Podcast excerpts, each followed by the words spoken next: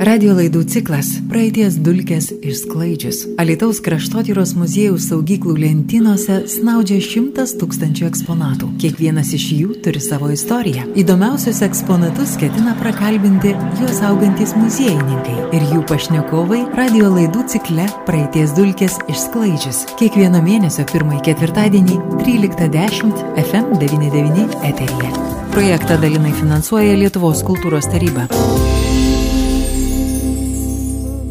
Sveiki, bičiuliai, kaip ir girdėjote mūsų anonsą, šiandien, kaip įprasta, pirmasis ketvirtadienis, mėnesio ketvirtadienis, tiesa, jis kiek kitoks negu buvo prieš gerą mėnesį ir kaip įprastai praeities dulkės mes šiandien pabandysime nupūsti ir su mūsų laidos dalyviais, tai muziejininku, Lietuvos kraštotyros muziejaus muziejininku Artūru Balčiūnu. Artūrai, laba diena. Labą dieną. Tikiuosi, jūs mane girdite, taip pat prie mūsų prisijungė ir archeologė daktarė Gabrielė Gudaitinė. Labą dieną diena. Nes viskas vyksta virtualių būdų, bet gerbėmiai, šiandien mūsų tema Pamerkių kaimas ir ko gero seniausias Zukijoje surastas šulinys. Bet mūsų pokalbė aš norėčiau pradėti nuo to, kas yra dabar. Nuo Ukrainos ir nuo to, kiek kultūros paveldo, kiek žmonijos kultūros paminklų ten yra, nežinau, naikinami tiesiog Štai tuo pat metu, kai mes su jumis kalbamės, totalus bombardavimas, žūstantis žmonės, duštantis pastatai. Kas tai yra? Ir aš nežinau, ar yra, aš norėčiau Gabrielės paklausti, kadangi esate archeologė, nebejoju, kad jūsų gyvenime buvo pačių įdomiausių radinių, bet ta situacija dabar Ukrainoje, kaip jūs galėtumėt ją įvertinti, ar yra kažkokių priemonių visą tai apsaugoti, bent jau dalinai? Na, žinote, apsaugojimo tos priemonės, tai aišku, remiasi visą laiką ir į, muziejus, kurie ir taip visą laiką saugo ir turi savo visą reglamentavimą, kaip tai daroma. Tačiau žinau, kad tikrai visi muziejai šiuo metu ruošiasi planus, kaip nelaimės atveju reaguoti. Yra, man atrodo, net ir kažkokios kategorijos, turbūt eksponatų, kurie yra pir, pirminio to gelbėjimo, antrinio ir panašiai. Aš pati šių planų na, nesu analizavusi ir, ir, ir čia gal geriau pakomentuoti mano kolega. Tačiau aš asmeniškai bent jau Ukrainos visus įvykius labai asmeniškai reaguoju. Teko tenai būti būtent su archeologų komanda prieš daugelį metų ir būtent dar prieš Krymo aneksavimą ir keliavome po visą Ukrainą ir buvome taip pat ir Kryme.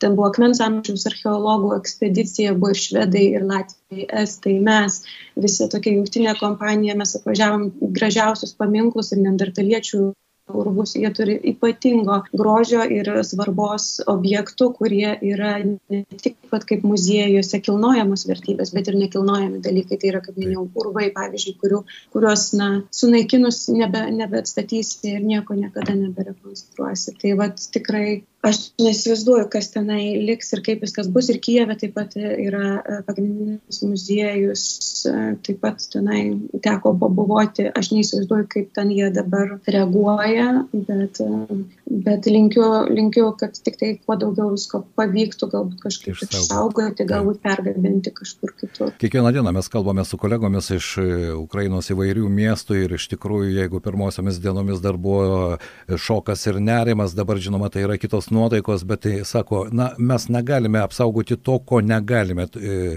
nes svarbiausia dabar saugoti žmonių gyvybės. Artūrai, kaip jums atrodo, ar iš tikrųjų yra kažkokios priemonės, kurios, kaip ir Gabrielė sakė, na, jas sunaikinus atgal neatstatysi, tu nerestauruosi, ne rekonstrukcijos nepadarysi. Kaip jums atrodo? Restauruoti ir atstatyti galima suskilusi puodą, jeigu jam sudužusi yra didesnis kiekis šukių, kurias gali sudėti ir suklijuoti. Bet e, atstatyti tą tam tikrus dalykus, kurie yra galtinai sunaikinami praktiškai neįmanoma. Gali padaryti, kai tam tikrą sakysim, iškamšą ar kažką panašaus, ką mes bandėm daryti, pavyzdžiui, su mūsų valdovų rūmais ar panašiais statiniais. Galima tai padaryti, sakysim, Varšuvos senamestis antro pasaulinio karo metais buvo visiškai subombarduotas ir jisai yra atstatytas pagal piešinius, pagal fotografijas, bet šiais laikais žinome, kad daugelis tapo avangardą, tai nežinau, ar pavyks atstatyti. Dabar mes pasinerkime į šulinį, ko gero, galbūt šiek tiek daugiau gaivios bus informacijos iš mūsų pašnekovo Artūro ir Gabrielės ir pakalbėsime apie Pamerkių kaimą. Artūrai, papasakokite, kasgi ten buvo, kągi ten atradote, nežinau, ar Gabrielė buvo ta pirmoji, kuri tą seniausią Dzukijoje šulinį pamatė, ar vis dėlto Artūrai jums teko pamatyti. Kas buvo pirmasis? E, pirmasis tai buvo geologas e, Gediminas Motuza, Matuzevičius. E, žmogus e, ten dažnai besilankantis ir ne vienus metus stebintis tą, sakysim, nuslinkusi arba pastoviai slinkantį išlaitą, kuris yra dešiniajame Merkio krante ir ten toks kampas gaunasi ir mirkys po truputėlį, po truputėlį ganėtinai smarkiai graužia tą šlaitą ir per kokį dešimt metų, gal daugiau keliasdešimt metrų jis yra pasislinkęs, tai vis atsidengia atskiri sluoksniai geologiniai ir Gediminas ten vis vaikštinėdamas, vaikštinėdamas ir aptiko. Ir kaip jisai pasakojo, asmeniškai sako, nu, matau, kad išlindė tam tikri rastigaliai, bet vienas iš jų yra aptašytas, nusmailintas. Taip ir suprato, kad tai yra ne šiaip gamtos eilinis paliktas bet, rastas, bet tai yra jau žmogaus rankų palis visa medinė konstrukcija. Mhm. Bet galima drąsiai, Gabrielė, pasakyti, kad tai atsitiktinumas gamtos e, merkio, nes daugelis, e, kurie baidarėmis plaukdavo ar ne, merkių stebėdavo tą šlaitą ir tą krantą, bet e, atsitiktinumo dėka štai dabar mes turime tą seniausią šulinį Dzukijoje. Taip, aišku, atsitiktinumas vėlgi ir tai, kad pastebėjo būtent geologas, pro kurio akis tokie dalykai nepraslystų. Baidarininkai, kurie dažnai galbūt išsilaipina kitame krante pailsėti, galbūt ir pamatyto, gal net ir matė, bet kad nebūtų pasakę, kad čia yra uolas. Ir iš tikrųjų tas atsitiktinumas ir mane palėtė tuom, kad aš šiaip jau esu archeologija akmens amžiaus epochos. Ir kaip supratau, kadangi e, tas kuolas e, įėjo į sluoksnius, kuriuos pats Gediminas datavo ar 10, 11, 12 tūkstančių metų prieš Kristų laikotarpiu, jam pasidarė keista, kodėl, kodėl būtent apdirbtas medžio fragmentas yra tame sluoksnėje, o ne kažkur aukščiau ir jisai pradėjo kelti klausimą, ar tai nebus galbūt kažkas išlikę iš akmens amžiaus. Ir jo dukra Gedrė Matuzaitė taip pat archeologija tikrai tvirtino, kad ne, taip negali būti, to, kad mediena neišlieka šitiek metų. E, tam tikrų sąlygų, ta prasme, jai reikia, kad jinai išliktų. Na ir jinai man tiesiog paskambino draugiškai, sako, tu atvažiuok ir pasakyk, kad tai nėra akmens amžius. Na ir aš sutikusi ten atvažiuoti, patvirtinti to neįgiamo, reiškia įvertinimo, aš įklimpau kartu su Gediminu, kurį jau iki tol pažinojau, aišku, bet uh, taip, mes, mes supratom uh, skubotumą šito šitos situacijos, nes kaip jau ir minėjo kolega, iš tikrųjų ten yra... Slenkantis tas, taip. Mhm. Jo, ten yra atodanga, kurią formuoja mendruojantis mirkys. Ir aš bandžiau skaičiuoti pati tą greitį apie, apie 0,7 metro per metus jisai slenkasi į šiaurę ir dar, dar slenkasi kiti krantai, reiškia, ta, ta kilpa jinai siaurėja ir vienu momentu jinai prasimuš ir merkys pradės tekėti tiesiai ir ten pasidarys senvagė. Tai iš tikrųjų supratom, kad kadangi tai buvo berots spalio mėnuo, artėja žiema, ledonešis dar plus, supratom, kad jeigu ne dabar, tai niekada turbūt nusineš Merkys šitą atradimą, o mes dar taip ir nežinom, kas tai yra. Na, Gedinas jau taip jau buvo skiręs laiko ir, ir apgalvojęs sako, aš įtariu, kad tai turbūt yra šulinys įkasta būtent į giliau. Na, aš sakiau, kad aš tikrai nesu šio laiko tarp specialistė, nes aš matau, kad tai yra vėlyvesnis negu akmens amžiaus dalykas. Bet, žodžiu, jis man kalbėjo, kad imam leidimą, oficialų leidimą kasinėti ir, ir mes galvom, kad mes va taip vieną dieną atvažiuosim, iškasim, viskas tvarkysim ir... Ir žinosime, ar ne, ir laikmetį taip, taip. žinosite ir viskas. Aš noriu Arturą paklausti, dažnai mūsų pokalbėse Arturas iš ištraukė vieną ar kitą daiktinį įrodymą. Nežinau, šulinio šiandien neištrauksi, bet tai Arturai, ar turi ką nors pasiruošęs, ką gali parodyti ir mūsų klausytojams, kad mes galėtume įsivaizduoti ir apie kągi mes šiandien su Gabrielė ir jumis kalbamės. E, taip, e, Liudai, puikiai atspėjote, tikrai turiu ką parodyti iš to šulinio ir vieną tokį įdomesnį, arba gal net įdomiausią radinį iš to šulinio, štai aš turiu. Čia ne veltui prieš tai kalbėjau apie suskilusį puodą, kurį galima restauruoti arba atkurti ir štai yra yra puodynė, kuri buvo rasta tame šulnyje, nes šulnis, kai vėliau paaiškėjo, buvo jam greičiausiai, kai, kada jau tas šulnys buvo nustatas naudotis, tai buvo užmestas įvairių tokių grūzų, sakysime, šūkšlė, šūkšlėmis, akmenys, kurie kaitę ir greitai atvėsę, tai man net negi tokia mintis kilo, kad šalia galėjo ten būti gal stovėti netgi pirtis kokia ar kažkas panašaus. Tokių įvairių klausimų kyla, na, aš tai šu, šulnyje paviršėjo ties visų kitų akmenų ir tarp atskirų medžio tokių nuoskalų, kurios, manoma, buvo nuo kažkada įgrūvusio šulnio dangčio. Čia irgi vienas įspėjimų. Rasta tokia podinė, podinės apačia, bet kuo jinai įdomi, apačioje yra tokias kvadratos stačiakampio greičiausia matininko ženklas. E, Arturai, tai dabar turi daiktinį įrodymą rankoje, gal gali pasakyti bent jau podinę, iš kokio čia amžiaus, čia kokio 20 amžiaus pradžia, 19 pabaiga, ar ne?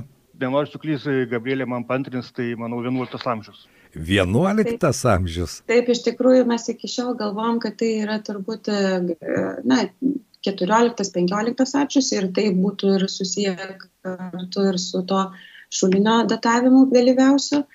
Bet um, mums talkinusi Dovilė Baltramėjūnaitė iš Vilnius universiteto archeologė, kuri būtent tyrinėja tokią keramiką, paskutiniais duomenimis ištyrusi šio regiono būdingą keramiką, teigia, kad tokie puodai labiausiai tikėtina visgi gali būti naudoti 11 amžiui, o ne tam vėlesniam šiek tiek. Taip kad tai ir mums yra labai įdomu. Ir štai tikrai ne 19-20, kaip gali atrodyti, kai tai paėmė, kad jis, ai, kaip sakė. Įprastas matytas, ar ne? Taip, taip.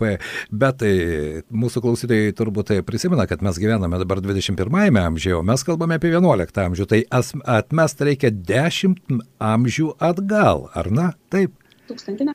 Taip, tūkstantis metų. Vadinasi, prieš tūkstantį metų čia tikrai jau gyveno žmonės, mes to nebejojame ir dabar tai patvirtina. Bet e, vis dėlto, kalbant apie patį šulinį, o jo amžius, na, jau negali būti 11 amžius, kur kas vėlesnis, aš taip įsivaizduoju. Nes jeigu tas šyti rastai, visa kita. Žinot, e, pirmos, pirmosios mintis apie tai, jog šitas šulinys yra gerokai ankstyvesnis negu 15 amžius, mums susiformavo, ne, mūsų visai komandai, kuri kurią sudaro ir, ir žmonės iš gamtos tyrimo centro, iš, iš e, fizinių technologijos mokslinų centro. Mūsų komanda iš tikrųjų labai didelė yra, įvairių specialistai.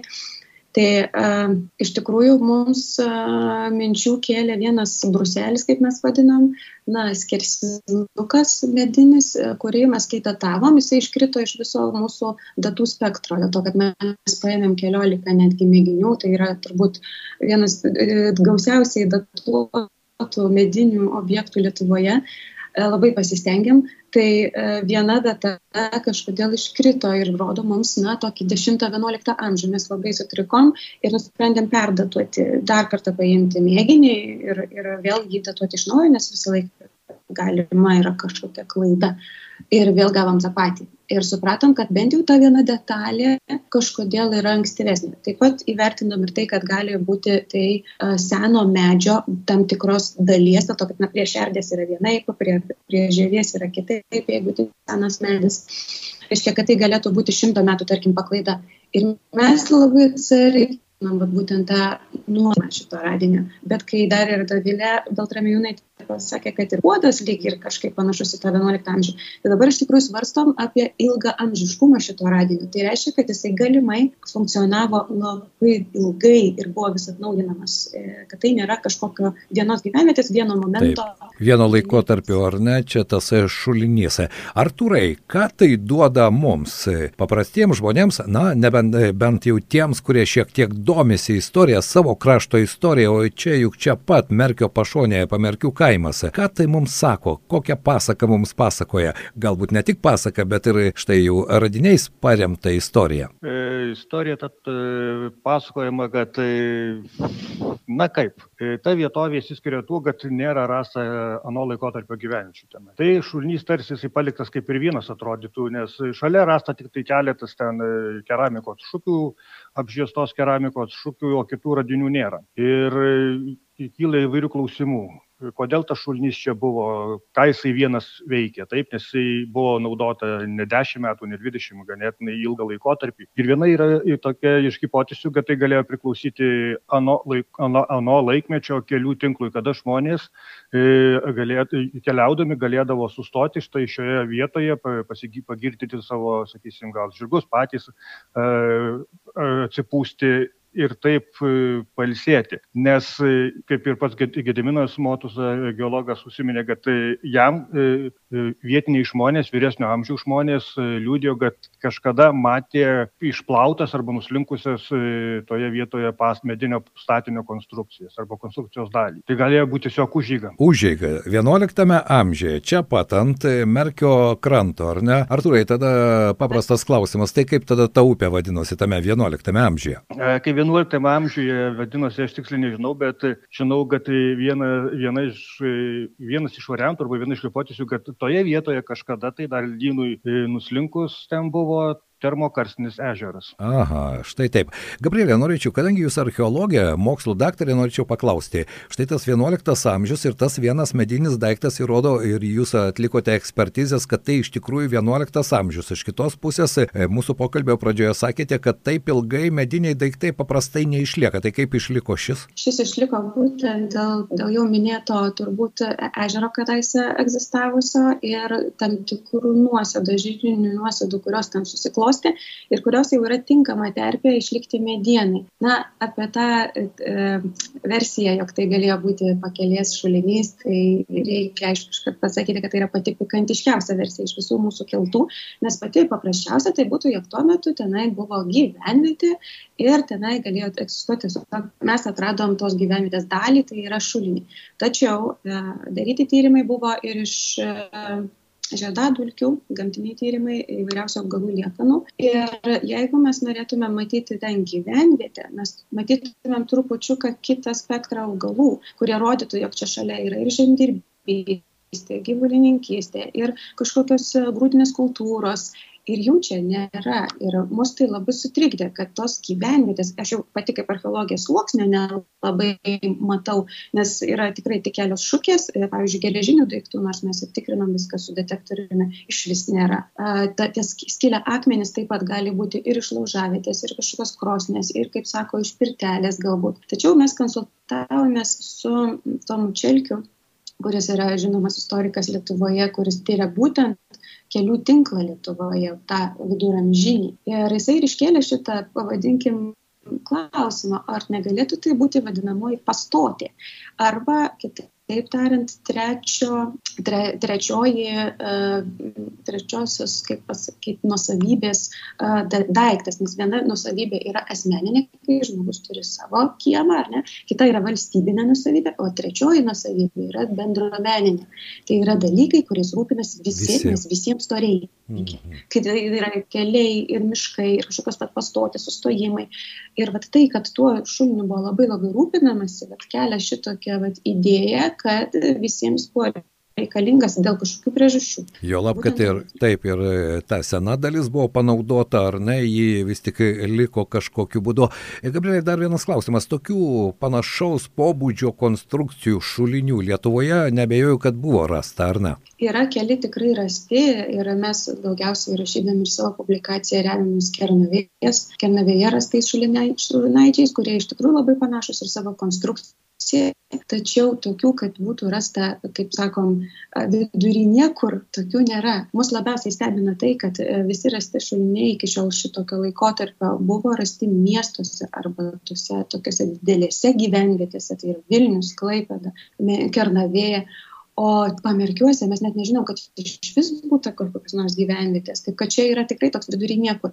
Ir dar ką turiu būtinai paminėti, jeigu galbūt žmonės įsivaizduoja, kad šulinys tais laikais buvo kiekvienam kieme, tai anaip tol taip nebuvo. Šulinys buvo, na, ne tai, kad prabangos dalykas, tai buvo tikrai ekskluzyvinis dalykas, kuris reikalingas, bet jį turėjo tikrai ne kiekvienas savo kieme. Ir kartais ant kelių sodybų tik vienas ir panašiai. Taip kad, na, čia kiek man aiškino kiti mano kolegos viduramžistai. Tai iš tikrųjų reikia įvertinti, kad e, tokį daiktą vidury niekur pastatyti turėjo būti labai rimtas tikslas. Ir mhm. mes e, sąsajų ieškome ir su galimybė persikelti per merkitoje vietoje arba arti.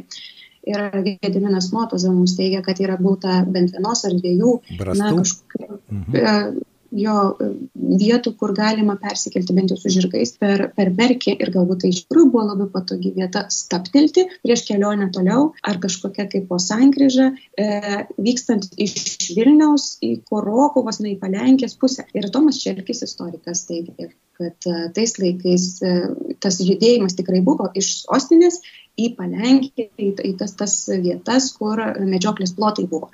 Ir čia, kaip žinia, bent jau kiek mes turim žinių, tai buvo tiesiog miškai, vadinamosios dykros, kur nieko nėra. Ir po to reiktų eiti iki merkinės arba iki varėnos, nuo valkininkų ir, ir faktiškai turėtum tarsi nelabai ką ir sutikti, o čia staiga yra šulinai. Radio laidų ciklas Praeities dulkės išsklaidžius. Taip, Šulinaitės. Taip, ar, Arturai, dabar jau tau teks man papasakoti dar vieną istoriją, nes, na tai kasgi ten keliavo, štai Gabrielė sako, jog ten galėjo būti medžioklės plotai, ar ne, bet iš kitos pusės tai tokia visuomeninės paskirties objektas ir visuomeninis turtas, tai kasgi ten keliavo, ar tai reiškia, jog tie Dzukijos miškai netokie jau buvo laukiniai, o žmonės, kurie čia gyveno, puikiai išmanė ir kaip šulinį tokioje vietoje pastatyti, nes mes taip įsivaizduojame, įsivaizduojame, 11 amžius merkys teka, tai koks skirtumas iš merkio atsigėrė, kam tas šulinys reikalingas? E, dėl vandens užterštumo greičiausia, man to tokia mintis pirma kyla, nes vis tiek šulnys tai gėlas vanduo, merkys, nežinau. Tiesiog vienas iš tokių klausimų, o kas galėjo keliauti, kad ir mes vis akcentuojame 11 amžių, bet manau, tas šulnys galėjo būti naudojamas ir vėlesniais laikais, mhm. netgi LDK laikus jau. Ir tada jau tikrai kelių tinklas buvo suformavęs ir netgi vėlesniais laikais, aš berods 17 amžiuje netgi yra minima, kad LDK Žestos politos laikais, abiejų tautų respublikų laikais, kad štai reikia sutvarkyti taip vadinamus Vytauto kelius. Ir tarptų visų tokių žemėlapį, gal net buvo, gal Gabrielė man pantrins padaryta, netgi minimi tokie Vytauto, pavyzdžiui, šulnys. Aha. Taip, iš istoriniai e, duomenys rodo, kad tais laikais, na jau kalbu tikrai apie viduramžius tuos 15 e, amžių, dėl to, kad apie jį mes tikrai galim kalbėti, o 11 tai toks ploduriuojantis, prisiminkim. Tai 15 amžiuje iš tikrųjų e, yra žinoma, kad būdavo prie kelių e, valdovo įsakymų e, kuriamos pastotės su šuliniais, nes valdovui ir kitiems reikia pagirdyti žirgus ir turi būti gerų pievų ir gero vandens, kaip buvo išsireikšta. Ir, pavyzdžiui, pakeliui į Pinską buvo dykrose žinomas kažkoks tai Vytauto šulinys vadinamasis. Na, štai. tai jo, tai vat, mes žinom, kad tie šuliniai net turėdavo tokius vat, pavadinimus nuo valdovo, nuo, nuo vietinio kažkokio tai ar kunigaikščio ar ko. Taip kad tas tikrai mums pat ir kelia kelia šitos klausimus. O šiaip tai tikrai, bet gerai sako kolega, kad reikia kalbėti apie 15 amžių, kurį mes tikrai galim patvirtinti datomis. Mhm. Tai tikrai šitas šulinys buvo 15 amžiui. Bet iš architektūrinės pusės jau mes tikrai žinom, kad jis yra tarsi dviejų aukštų, kaip aš įvardinčiau. Vienas aukštas yra tikrai vienu metu pastatytas, o po to kilo poreikis po kažkiek metų jį gilinti. Matyt, sėdo aha, čia, čia piešinys, bet jie aukštinkojam rodai, aptarsk. ir truputį į save labiau, kad matytųsi e, daugiau jo. Taip. Tai vad, e, po to buvo poreikis jį pagilinti, dėl to, kad matomai sėdo vandens lygis ir nebe, nebėjo pasistengti vandens. Ir vad, mes matom tą, tą perdarimo tokį momentą. Kitas dalykas, kai mes jau atsikasėm šulinį šiandien, na, 2018, mes radom tik vieną jo sieną e, išklotą lentomis. Kitos trys buvo kiauros Ir tas yra labai įdomu, bet, e, na, e, pasak Aleksėjus Luchtano, žinoma, taip pat archeologo viduramžių, jisai sako, kad tai buvo normali praktika, jeigu dar gera lenta, jeigu dar geras kažkoks fragmentas, panaudoti jį e, šiaip kažkur gyvenvietėje arba statant kažką kito. Galbūt šalia yra kitas šalinaitis, kuris mums rodys 15-16, pavyzdžiui, amžių ir ten rasim tas lentas. Bet kaip aš sakau, reikia, kad merkys dar praplautų tą atodangą, kad atsidengtų. Nebejau, kad toje toje to dangoje bus dar ne vienas įdomus radinys. Štai geologas rado, archeologė Gabrielė papasakojo istoriją ir nustatė laikmetį, kad tai 11 amžius. Artūras netgi parodė puodą, kuris taip pat datuojamas maždaug tuo amžiumi. Bet Artūrai, Lietuvos kraštotyros muziejuje iš to šulinio, ką mes turime, tą puodą ir viskas, ar ne? Ir ar dar kažką turime? E, turime pačias šulinio konstrukcijas, kurios e, šią akimirką yra išvištos į Vilnių ir yra atliekama konservavimo darbai. Tie darbai užima ganėtinai ilgą laiko tarpą, nes tai yra sutruniusi mediena ir kad jinai nesunyktų, nesudulėtų, jinai vis yra, kiek suprantu, mirkinama, vėl išimama, džiovinama, vėl mirkinama. Tas procesas tęsiasi, kaip minėjau, jau ne vienerius metus. Ir be abejo, turime krūvą akmenų, kurie buvo tame šulnyje sumesti. Manau, mes juos panaudosime, gal net pastatysime tariamą pirtelę, bet aš jau pajaučiu. tai štai apie... Taip, prašau, prašau, Gabrielė.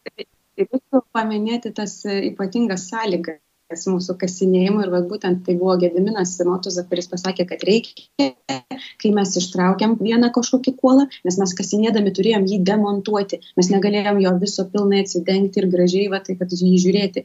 Išimam kažkokią detalę ir būtinai iš karto merkiam į ASEPą vadinamą antiseptiką tokį skystį, konsultavome su restauratoriais, kabėjome telefono ir, ir nors norėjom iškasti per vieną dieną, mes, e, kadangi spalį labai trumpos dienos, gaudavosi, kad vis nespėjom ir vis kitą dieną reikia bėgti ir vėl, kad kol nesutrinėjo, nes tai yra valandų kartais reikalas. Turėjom po vieną detalę vežti pas Gediminą į sodybą, mirkyti, merkti, vinioti į celofaną, kad būtų galima iš, išsaugoti kuo didesnę dalį jo. Tai dabar dėka to vat, turim, turim ką rekonstruoti. Taip, taip, dar labai įdomu, kaip tai tos šulinio detalės, medinės konstrukcijos papuolė į muziejų pas mus, aš pamenu, ten tai visai neužilgau kitą dieną, beros Gediminas man skambino, sako, Artūrai, ar jau vėl pertėpiai, ar vėl žiūrai, ten kurį laiką stovėjo, nu tiesiog toks procesas buvo. Artūrai, ar galima maždaug, aš suprantu, kad tas e, dabar procesas gana ilgas, bet tai yra tikimybė, kad kada nors to šulinio detalės vis dėlto sugrįš į Alitaus kraštotyros muziejų. Tikrai taip, jos yra Alitaus kraštotyros muziejaus nusavybė. E, ir mes įsipareigoję tas šulinio konstrukcijas, kaip sakoma, tausoti ir saugoti. Ir tikiuosi, kad viena idėja į, į, pavyks įgyvendinti, e, padaryti to šulinio rekonstrukciją ar su tomis detalėmis, ar be jų. Ir netgi buvo mintis tokia kurti ekspoziciją, kurioje šulinys būtų kaip ir centrinė tos ekspozicijos e, dalis, dalis aplink, aplink kurį vyktų gyvenimas. Na, aš tik pasakotų tam tikrą mūsų krašto istorijos dalį. Taip, nes pasakojimai yra pats įdomiausias dalykas. Štai šiandien ir Gabrielė, ir Artūras mums papasakojo, atrodo, paprasto dalyko. Merkio pašonėje, pamerkio kaime rasto šulinio istoriją. O turint vieną ar kitą artefaktą, man rodos, galima prikurti begalę istorijų, ar ne? Ir vienos jos galbūt bus paremtos istoriniais faktais, daiktiniais įrodymais, ekspertizėmis, bet e, kiekvienas iš mūsų turime galimybę sukurti ir savo istoriją istoriją, pafantazuoti, o kas tai galėjo būti, o kas keliavo pro tą šulinį, o kas ten žirgą girdė ar pats gėrė. Tai čia fantazijai ribų nėra ir man tai visada įdomu ne tik į istorinius rėmus jau įdėta istorija, bet ta, kuri suteikia galimybę mums e, pasidžiaugti, pafantazuoti, sukurti savo istoriją. Archeologai, žinoma, to nedaro, jie viską dokumentuoja, viskas turi būti paremta faktais, ar ne, Gabrielė? Taip, iš tikrųjų mes negalim savo leisti daug e, nu, nu, nukrypti, nukrypti nuo tiesos, nuo, nuo faktų, kuriuos mes turime iš tikrųjų. Ir dabar yra jau parengta mokslinė publikacija apie ją, na, kadangi parengėme anglų kalbą, tai apie šulinį sužinos tikrai plati akademinė visuomenė. Aš manau, jis e, suras savo galbūt brolių, antrininkų kažkur galbūt ir Lenkijoje, kitose šalise, nes mums e, nelabai pavyko rasti tokių pačių atvejų, bet aš nebejoju, kad ilgainiui mes sužinosim, kad to, tokių dalykų yra, yra ką palyginti, yra, yra papildomų domenų. Ir kaip Tomas Čelkis sakė, jisai visą laiką tyrinėjo kelių tinklą viduramžių, bet visa tai visą laiką būdavo tik tai uh, vaizdinė arba, arba rašytinė medžiaga niekada archeologai neturėjo jokios galimybės suteikti kažkokių na, duomenų apie ta, tos kelius ir kas prie tų kelių galėjo vykti. Tai čia toksai labai labai mažas procentas, kad gal pavyko šį kartą tokią pastotę aptikti. Na, bet čia vėlgi pikantiška.